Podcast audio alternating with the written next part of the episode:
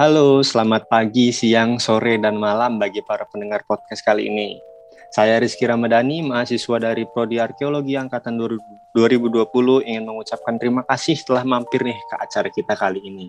Dan tak lupa juga eh, aku mengucapkan selamat menjalankan ibadah puasa bagi yang menjalankan dan selamat Hari Raya Idul Fitri 1442 Hijriah. Mohon maaf lahir dan batin. Dan tak lupa juga kami ucapkan terima kasih kepada Fakultas Ilmu Budaya Universitas Gajah Mada yang telah memberikan ruang yang cukup baik untuk menyuarakan aspirasi kita. Diri, aku ditemani empat orang temanku yang hebat juga dari prodi yang sama. Yang pertama itu ada Mas Karis, bisa halo dulu Mas. Halo, saya Karisma Nabila. Oke, kemudian ada Mbak Serina. Halo, aku Serina. Kemudian ada Mas Fahrizal Halo, saya Muhammad Fahrizal. dan yang terakhir ada Mbak Irza. Halo, selamat siang teman-teman semuanya. Selamat siang. Baik. eh, jika kan waktu-waktu ini kan waktu-waktu mendekati Lebaran. Nah, jika kita bicara nih soal Hari Raya Idul Fitri yang Lebaran ya secara nggak langsung, nggak lengkap kalau nggak ngomongin juga masalah tentang mudik. Nah, mudik itu suatu hal yang bisa kita bilang, let's say, sebuah budaya yang wajib dilakukan menjelang Idul Fitri atau Hari Raya Besar keagamaan lainnya. Nah, di tahun ini, 2021, pemerintah telah mengeluarkan larangan mudik yang berlaku mulai sejak tanggal 6 hingga 17 Mei 2021. Hal ini merupakan salah satu dari sekian banyak peraturan yang diterbitkan untuk menekan laju penyebaran virus COVID-19 di Indonesia khususnya. Selain itu juga pemerintah nampaknya tak ingin kejadian yang seperti yang terjadi di India, di mana kasus COVID-19 di India meningkat tajam setelah dilakukannya kegiatan keagamaan. Jika kita melihat suatu masalah tidak, eh, jika kita melihat suatu masalah kurang lengkap dan kurang afdol jika kita hanya melihat suatu sisi di dari satu sisi saja, maaf. Jadi eh, dari obrolan kita nih, menurut Mas Karis, eh, apa sih dampak dari pelarang- pelarangan mudik itu? Eh, Oke, kalau menurut saya adanya dampak dari pelarangan mudik itu eh, dalam pandangan saya itu ada dua ya, ada dua sisi, terutama adanya sisi positif dan sisi negatif. Yang pertama, untuk sisi positifnya itu bertujuan untuk mengurangi kasus po- positif coronavirus di Indonesia. Apalagi sekarang coronavirus itu kan tidak hanya satu jenis saja, yaitu eh, COVID yang di Indonesia, tapi sudah ada beberapa variasi lain COVID dari luar negeri yang sudah datang di Indonesia. Eh, akan sangat baik jika kebijakan ini itu semuanya menaati dan tidak ada orang lain yang istilahnya itu menyalahgunakan kebijakan ini untuk mendapatkan keuntungan. Kemudian eh, untuk sisi negatifnya eh, banyak orang-orang terdampak dari kebijakan ini, terutama orang-orang yang sudah lama bekerja jauh dari orang tua. Tentunya mereka akan sangat rindu kampung halaman. Mereka akan terkena dampaknya dari kebijakan ini. Namun itu semua juga demi kebaikan mereka semua ada lebih baiknya kita bersabar untuk saat ini agar semua kembali pulih dan kembali berjalan secara normal. Begitu yang dapat saya sampaikan terkait dengan kebijakan keefektifan pandemi ini.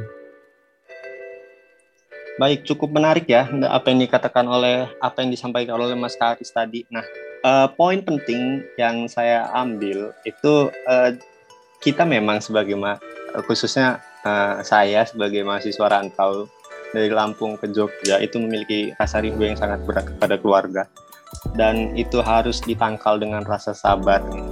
Nah, kemudian nih kalau menurut Mbak Ser Mbak Serina itu gimana tuh Mbak? Oke, kalau eh, sebelumnya eh, mudik ini kan udah dua kali ya di dilarang sama pemerintah. Eh, setelah itu akhirnya pemerintah membuat keputusan untuk eh, mengeluarkan pelarangan mudik. Namun menurut aku peraturan ini timbang tindih sih. Lalu setelah itu menurut aku sisi positifnya dari pelarangan ini sih sama sih kayak Karis. Pastinya untuk menekan angka pandemi COVID-19 sih. Setelah itu, sisi negatif dari pelarangan COVID-19 ini, banyak masyarakat yang sudah muak oleh pemerintah yang labil dan terkesan tidak becus menangani pandemi ini. Banyak masyarakat yang mengatakan, masa boleh sih wisata tapi nggak boleh mudik?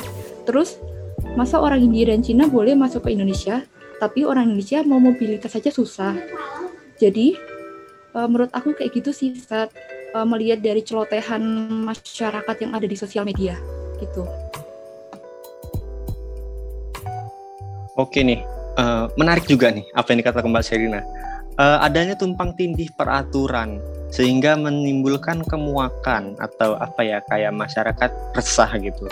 Masa tempat wisata boleh dibuka sementara mudik dilarang. Kemudian ada warga negara asing yang uh, warga negara India dan warga negara dari Tiongkok datang, kemudian kita warga negara Indonesia untuk pergi ke kampung halaman saja itu nggak boleh. Nah, cukup, uh, kurang lengkap juga kita sebagai uh, dari prodi arkeologi nggak mengangkat nih sejarah singkat tentang sejarah mudik.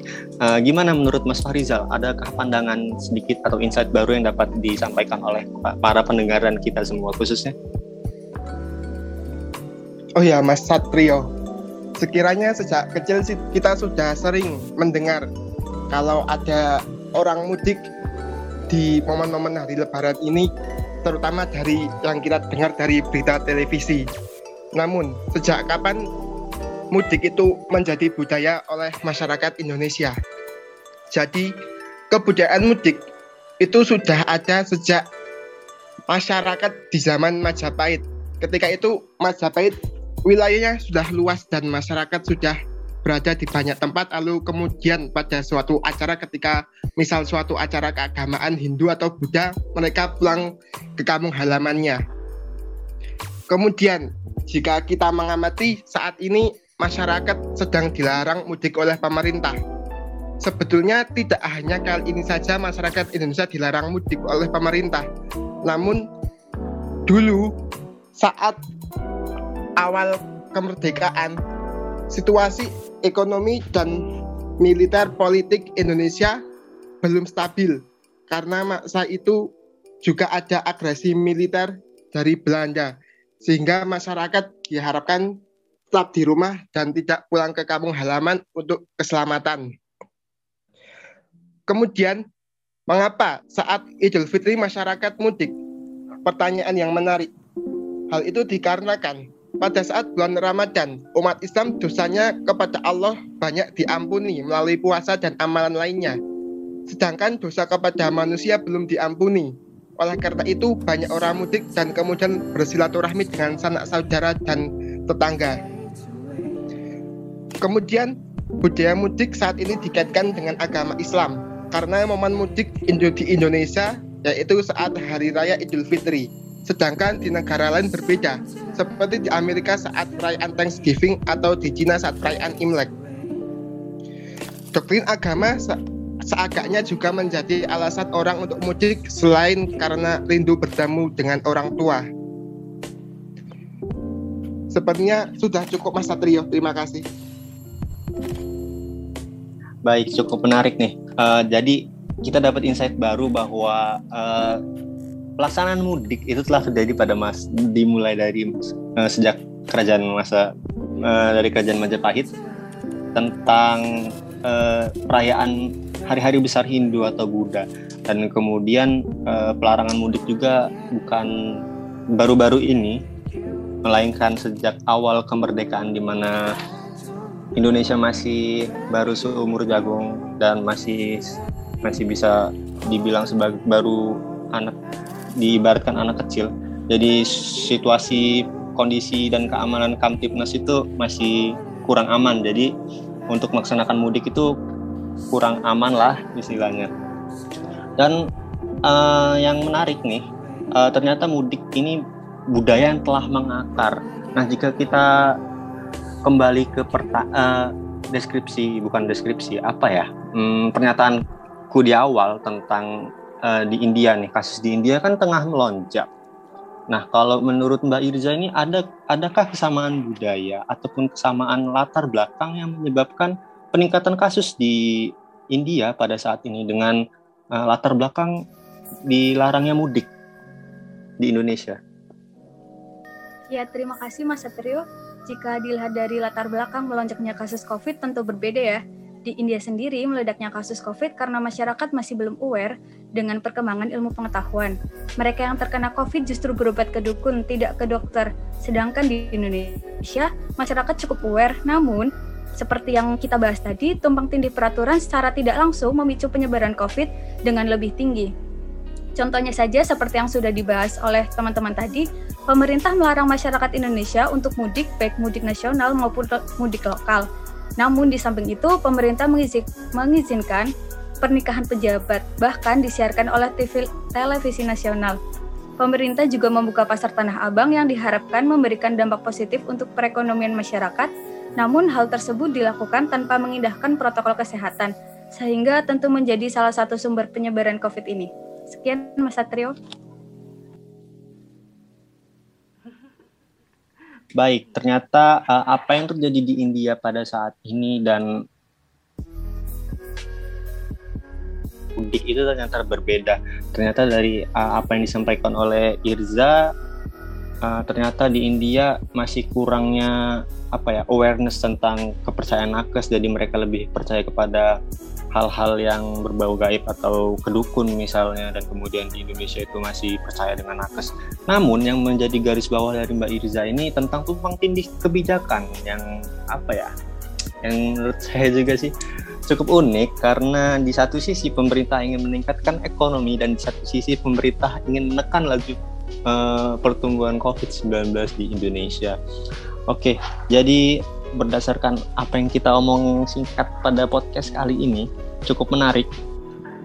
Uh, yang pertama itu ada uh, plus minusnya mudik, jadi kita nggak bisa uh, melihat dari suatu masalah itu dari suatu dari satu sisi aja, satu perspektif saja.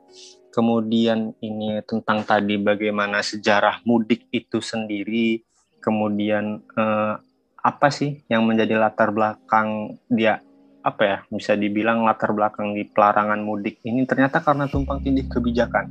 Uh, sebagai contoh, cukup banyak uh, di pemberitaan media sosial baik itu Instagram ataupun Twitter ataupun YouTube itu tentang uh, penerobosan yang baru-baru ini viral dan itu cukup uh, salah satu apa ya uh, efek dari kemuakan dari masyarakat itu sendiri.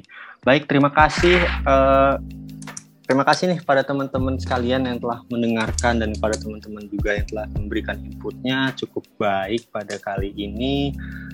Uh, dan tak lupa kami juga ucapkan lagi terima kasih kepada Fakultas Ilmu Budaya Universitas Gajah Mada dan kepada dosen yang telah memberikan uh, tugas yang cukup unik dan cukup penantang bagi bagi saya dan teman-teman untuk mengaspirasi menginspirasikan suara kami tentang apa yang terjadi di Indonesia sehingga uh, apa yang kita omongkan ini lebih bisa bermanfaat dan uh, bagi masyarakat sekitar. Baik, terima kasih. Tetap patuhi protokol kesehatan bagi pendengar dan kita semua. Uh, selamat Hari Raya Idul Fitri dan selamat menjalankan ibadah puasa. Tetap jaga kesehatan dan sampai jumpa. Terima kasih.